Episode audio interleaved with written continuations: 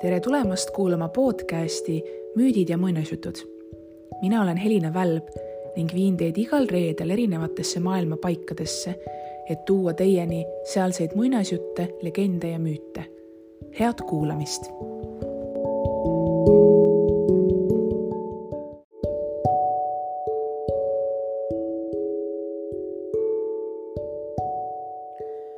täna jutustan sulle Inuiti muinasjutu Sedna kümme sõrme. Ja natukene räägin sulle võib-olla üldse inuitide taustast, kuna tegu on sellise üldise rühmitava terminiga, äh, kuhu siis kuulub terve hulk rahvaid ja hõime, kelle põhiline asuala jääb Põhja-Ameerikas, siis Kanada, Alaska ja, ja tegelikult siis ka Gröönimaa saarele ja inuit kui äh, nimi või termin või nimetus äh, pärineb gröönikeelsest sõnast ja tegelikult see tähendabki inimest. ja mõnda aega oli hästi populaarne kasutada sõna eskimo. Mm, selle sõna selline algupära on teadmata ja tegelikult tänapäeval seda võetakse äh, solvanguna, sellepärast et ta paneks, paneb justkui kõik need erinevad rahvad, erinevad kultuurigrupid, äh, kes, äh, kes siis seal nii-öelda ka Siberi põhja, Venemaa põhjaaladel, Põhja-Ameerika põhjaaladel elavad, ühte potti. ja, ja seetõttu ei soovitata sõna eskimo kasutada, kuna jah, see tekitab sellist äh, paksu verd inimeste vahel. Ähm, kui rääkida no eskimot ikkagi, eskimot kui sõna kasutatakse eelkõige keeleteaduses, seal sellel ei ole sellist solvavat tähendust, sellepärast et ta märgistab siis äh, neid keelkondi, näiteks äh, Eskimoale uudi keeled äh, on selline keelkond, kuhu kuulub vähemalt kümme keelt. ja, ja noh, see on nagu soome-ugri keelkond, keelkonnad, eks ole, ja, ja noh, ühesõnaga ta on lihtsalt selline katustermin. aga, aga tänapäeval jah, Eskimot peetakse solvavaks sõnaks ja tegelikult inuit kui selline võib olla lausa termin, mida, mida saabki väga paljude Põhja-Ameerika äh, põlisrahvaste kohta kasutada. ja arvatakse, et äh, siis kahe tuhande kuueteistkümnenda aasta uuringu tulemusel arvatakse, et Kanadas elab umbes kuuskümmend viis tuhat inuiti ja nemad kõle, kõnelevadki täitsa sellist asja nagu inuiti keel ehk äh, see on selline ida-eskimo keelkond siis, kuhu kuuluvad Eskimoale uudi keelkonna Eskimo haru keelerühm ehk siis seal on grööni keel Inuktituti keel ja Injupjaki keeled. ja inuitid on elanud Põhja-Ameerika rannikul, nad on peamiselt tegelenud mereimetajate püüdmisega ja siis äh, kütivad ka maismaal neid äh, loomi, kes parasjagu seal läheduses elavad, äh, elavad küllaltki väikeste kogukondadena. ja mis noh küllaltki väikeste kogukondadena, mis tegelikult on kultuuriliselt küllaltki erinevad, kuna looduslikud tingimused on seda ähm, kultuurilist erisust äh, kujundanud. Äh, samas arvat-, eeldatakse, arvatakse, on neid uuritud, et äh, neid sarnasusi Inuiti kogukondade vahel on ikkagi ka väga-väga palju, aga samas just keskkonnast tulenevad erisused on täitsa märgatavad. ja inuitide kohta võib-olla natukene räägin nende taustast, et kust nad on tulnud äh, ja milline see nende elu nii-öelda välja näeb. arvatakse, et nad olevat viimased pärismaalased, kes Põhja-Ameerikasse saabusid, äh, kuna lõunas oli maa asutatud teiste indiaanlaste poolt, jäid inuitid pidama Arktikasse, äh, kus ei olnud ühelgi teisel kogukonnal õnnestunud ekstreemse kliima tõttu pidama jääda ja tegelikult see ongi üsna erakordne, kuidas need inimesed on suutnud nendes karmides tingimustes kohaneda. ja arvatakse, et siis üks põhjus on tegelikult olnudki nende riietus. kuna eh, nende peamine rõivaste materjal on põhjapõdra ja hülgenahk, see pakub väga efektiivset kaitset selle arktilise kliima vastu. kusjuures öeldakse, et põhjapõdra nahk on parim, kuna sellel kasvavad karvad kaks korda tihedamalt kui näiteks hülgenahal ja seejuures on põhjapõdranahk siiski küllaltki kergekaaluline ja laseb õhku väga hästi läbi. ja mis, mida veel tuuakse inuitide puhul välja, on see, et kui nad põhjapõdra, põhjapõdra nahka siis töötlevad või üldse põhjapõdra erinevaid osi töötlevad, siis nendega käiakse ümber väga mõistlikult, kasutatakse peaaegu täielikult ära kõik loomaosad, midagi ei lähe nii-öelda raisku. ja põdraliha on nende toidulaua peamine osa, nahka kasutataksegi siis riiete tegemiseks, eluaseme jaoks, hambad, luud lähevad tööriistadeks, lisaks ka amulettideks, on ju, et nende religioosne pool on ka veel osati selline loodususk. ja, ja samuti lihtsalt mänguasjadeks, kaunistusteks, kõigeks selliseks ja näiteks äh, öeldakse, et hülge ja morsa soolestikke kasutatakse või kasutati varem rohkem kindlasti vihmamantlite tegemiseks ning äh, õmblemiseks äh, saadi niit siis looma kõõlustest ja nõeladki loodi loomaluudest.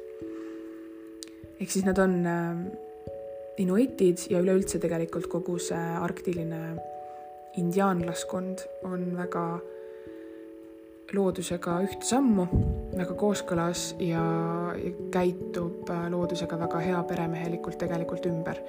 ja ka nende selline kirjanduslik pärand on üsna, üsna põnev. ka tänane lugu äh, Sedna kümme sõrme, et see annab tegelikult edasi seda natukene seda karmi mm, keskkonda, kus nad elavad või millega nad pidid nii-öelda silmitsi seisma ja peavad siiamaani kui me noh, mõtleme muidusükiste muinasjuttude peale, siis tihti ikkagi need lõpevad väga kaunilt ja prints ja printsess abielluvad ja elatakse õnnelikult elu lõpuni kuskil seitsme maa ja mere taga kangesti kaunis paigas, on ju.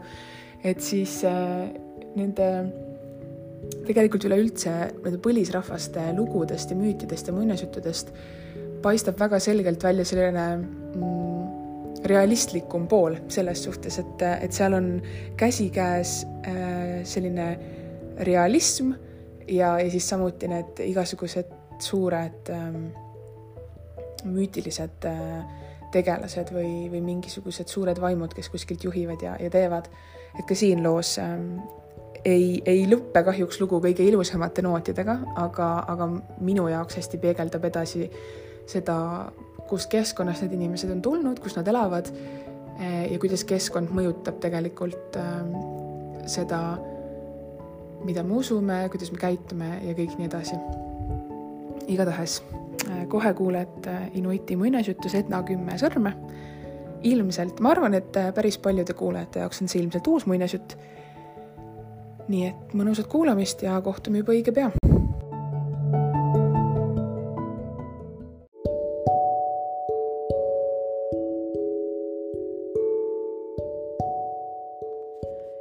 inuittide jumalaid ja jumalannasid tuleb rohkem karta kui imetleda, sest nagu tuul, mis puhub Beringi väinas ja lumi, mis lõikab Hudsoni lahte, on nad metsikud ja armutud. Neist kõige kardetum on Sedna, merejumalanna Sedna, hiiglane Sedna, pulstunud juuste ja tühja silmakoopaga Sedna. kunagi oli Sedna kaunis noor inuiti neiu, lesest isa ainus tütar ta oli nii kaunis, et kui ta oli suureks kasvanud, tuli palju noormehi nii lähedalt kui kaugelt tema juurde lootuses, et ta abiellub nendega. aga Sedna oli edev ja kõrg tüdruk, kes oli liiga teadlik oma heast väljanägemisest. tal meeldis noormehi kiusata, neid korraks julgustada ja siis neile korvi anda. mõnikord sosistas ta neile midagi või välis valja lemmiku ja ainult selleks, et mõnuga pealt vaadata, kuidas nad omavahel kaklevad. ja oi, kuidas nad kaklesid mehed lausa tapsid Sedna armastuse nimel, aga ikka keeldus neiu abiellumast. siis saabus ühel päeval külla mees, kes oli palju ilusam kui kõik eelmised noormehed. tema kajak oli kaunistatud kalliskividega ja veel rohkem kalliskive siras kaelakees, mis tema rinnal rippus. ta kandis kõige uhkemaid karusnahku ja tal oli käes puhtast elevandiluust oda. noormees ei tulnud isegi kanuust välja. selle asemel hõikas ta Sednat. tule koos minuga, Sedna, ja tule ja saa minu naiseks. Miks, hüüdis Sedna vastu, mida sina mulle pakkuda võid? sa hakkad elama minu majas kalju serval, hõikas noormees. sa ei näe kunagi nälga, sest ma toon sulle iga päev liha. sa magad karusnahal suleteki peal ja sa ei pea kunagi tööd tegema. Sedna meelest tundus olevat peaaegu liiga hea, et olla tõsi. ja noormees oli väga ilus. pikemalt mõtlemata pakkis ta asjad, istus paati ja teda ei nähtud külas enam kunagi. paat sõitis minema Nad sõitsid kaks päeva ja kaks ööd ning mida kaugemale nad läksid, seda enam paistis noormees muutuvat. kõigepealt kadusid tema elevandiluust oda ja kalliskivid, siis langesid maha tema nahad ja välja tuli otse kui sulgedega kaetud alussärk. tema silmad muutusid ümmarguseks ja ta nägu kattus sulgedega. aga alles siis, kui nad tema koju jõudsid, purunes nõidus lõplikult, sest see mees ei olnud üldse mingi mees, vaid linnuvaim, kellel oli võime võtta inimese kuju üle küla lennates oli ta Sednat näinud ning võtnud nõuks temast oma naine teha, isegi kui ta pidi selleks võlujõudu ja pettust kasutama. nii algas Sedna abielu linnuga. kaljuserval seisev maja osutus pesaks kivirüngal. liha, mida lind talle oli lubanud, polnud midagi muud kui värskelt püütud kajakad ja kaljukajakad suletekk oli linnu enda tiib ning kuigi vastas tõele, et ei pidanud üldse tööd tegema, ei saanud ta ka midagi muud teha, kui halada ja nutta ja kibedalt needa seda päeva, mil ta külast lahkus. lugu oleks võinud sellega lõppeda, kui mitte tema isa poleks tütre äraolekul üha suuremat üksildust tundnud. oli tõsi, et Sedna ei olnud kunagi olnud ideaalne tütar, aga kui see on sinu ainus tütar ja su naine on surnud, siis vaatad sa jonnimisele ja vingumisele ja üldisele tänamatusele läbi sõrmede. nii asus ta tütart otsima ja mitme nädala pärast leidis ta tüdruku üles kui see ikka veel oma saatuse üle kaebles. õnnekombel oli linnuvaim ära naisele toitu otsimas. Sedna oli nõudnud midagi peenemat kui värskelt tapetud kaljukajakas. nii et ta sai isale jutustada, mis oli juhtunud. ta ei ole inimene, ta on lind, halises ta ja ma tahan koju. vaene laps, alustas isa ära sa siin haletse midagi, karjus Sedna. kui sa oleksid minu eest paremini hoolitsenud, poleks midagi sellist juhtunudki. hakkame nüüd liikuma, tule, ta tuleb ju kohe tagasi isa aitas tütrel kaljult alla ronida.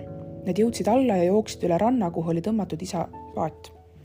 seda ei tahtnud jalgu märjaks teha isa pidi ta paati tõstma, mis võttis natuke aega, aga varsti sõudsid nad minema ja jätsid pesa kaugele maha.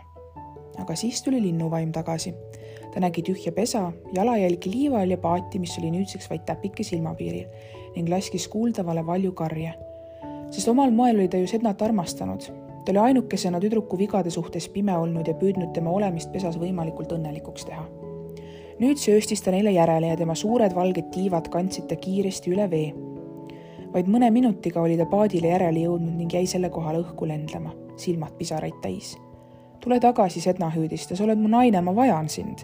mine minema, vastas Sedna, kas sa tõesti arvad, et ma olen kogu ülejäänud elu linnuga abielus? jäta mind ometi rahule linnuvaim lendas alla, nagu tahaks ta paadiserval istuda ning sel hetkel vibutas isa aeru. puu tabas linnuvaimu ja paiskas ta ümber. vaene olevus oleks peaaegu merre kukkunud, aga siis ta toibus ning mõistnud, et on seda igaveseks kaotanud, lendas ta vaikselt nuttes minema. vaevalt oli linnuvaim kadunud, kui ilm muutus järsult. merepind oli olnud vaikne ja tüüne, aga nüüd hakkas möllama arktiline torm lained tõusid ja vajusid, jääkülm vesi peksles vastu paati ja seda ei olnud enam võimalik juhtida isa püüdis aere liigutada, aga see oli asjatu. veepritsmed pimestasid teda, tuul rebis tema riideid, taeva oli lämmatanud mustad pilved ja nüüd sähvisid kõikjal nende ümber välgunooled. tee midagi, hüüdis Sedna, ära lihtsalt istu. see on sinu süü, karjus isa kahe käheda häälega. meri on vihane, sest sa jätsid oma mehe maha.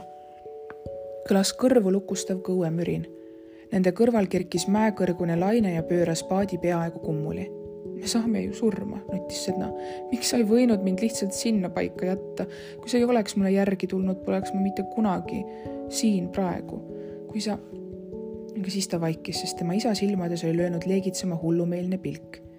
kuidagiviisi tõusis ta kõikuvas paadis püsti ja haaras tütrest kinni. mida sa teed, küsis Sedna. see on sinu süü, käisis isa. ja kui ma su äkki üle parda viskan, siis ja kui ma su üle, kui ma su üle parda viskan, siis annab meri mulle andeks ja kõik saab korda. sa oled hull, jäta mind rahule. sa pead surema, Sedna. ma ei oleks tohtinud sulle järele tulla. samal ajal, kui paat üles-alla paiskus ja ringe tegi, kui välk sähvis ja kõu möirgas, võitlesid nemad pisikeses paadis. ühel hetkel tundus, et Sedna võidab, sest tema oli pikem ja tugevam, kuid siis leidis isa pöial kogemata tema silma. kõlas veel üks kõuekärgatus. mööda tüdruku põske voolas alla veri ta komistas tahapoole ja kukkus üle parda. aga ikka klammerdus ta paadi serva külge ja püüdis end meeleheitlikult tagasi paati vinnata. hullumeelselt naerdes haaras isa oma luust kirve. kui tuul tema ümber ulus, tõstis ta selle kõrgele pea kohale ja langetas siis suure jõuga. hoop raius maha sedna viis sõrme. Sedna kriiskas. sõrmed kukkusid mässlavasse merre ja muutusid hüljesteks. ta isa lõi uuesti kirvega, Sedna kriiskas jällegi uuesti. Tema teise käe viis sõrme kukkusid küljest ja muutusid vaaladeks. Sedna kadus vette. torm vaibus ja meri muutus tüüneks suutmata kaugele minna, pööras isa paadi kalda poole ja pani kivisel rannaribal telgi püsti. ta teadis, et oli sooritanud kuriteo, kuid ta oli liiga väsinud ja liiga õnnelik elus olemise üle. ta jäi kohe sügavalt magama. sel ööl oli erakordselt suur tõus. vesi tungis kaugemale kui kunagi varem ja kui kunagi hiljem. vesi tungis tegelikult lausa nii kaugele, et vana mees uppus une pealt ja kui lained üksteise järel rannale loksusid, võis peaaegu kujutleda, et nendes, nende hääles kõlas naer.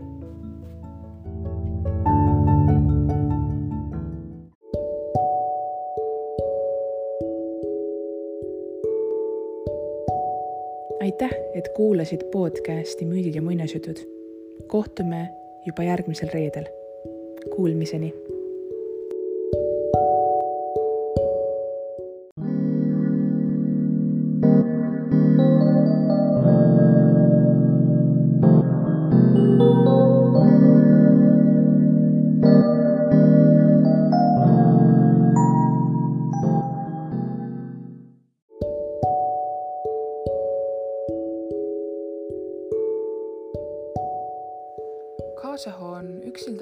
Ettrickdale'is Šotimaa piirialal.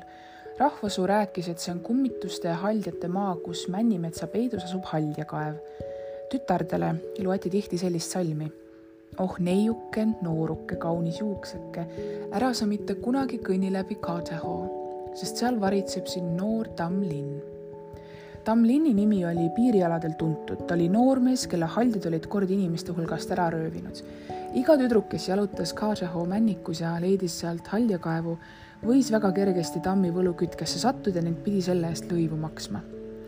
Lord Kaasahoo oli noor tütar, keda kutsuti Janetiks. rõõmsameelne, kena, kuldsete juustega tütarlaps.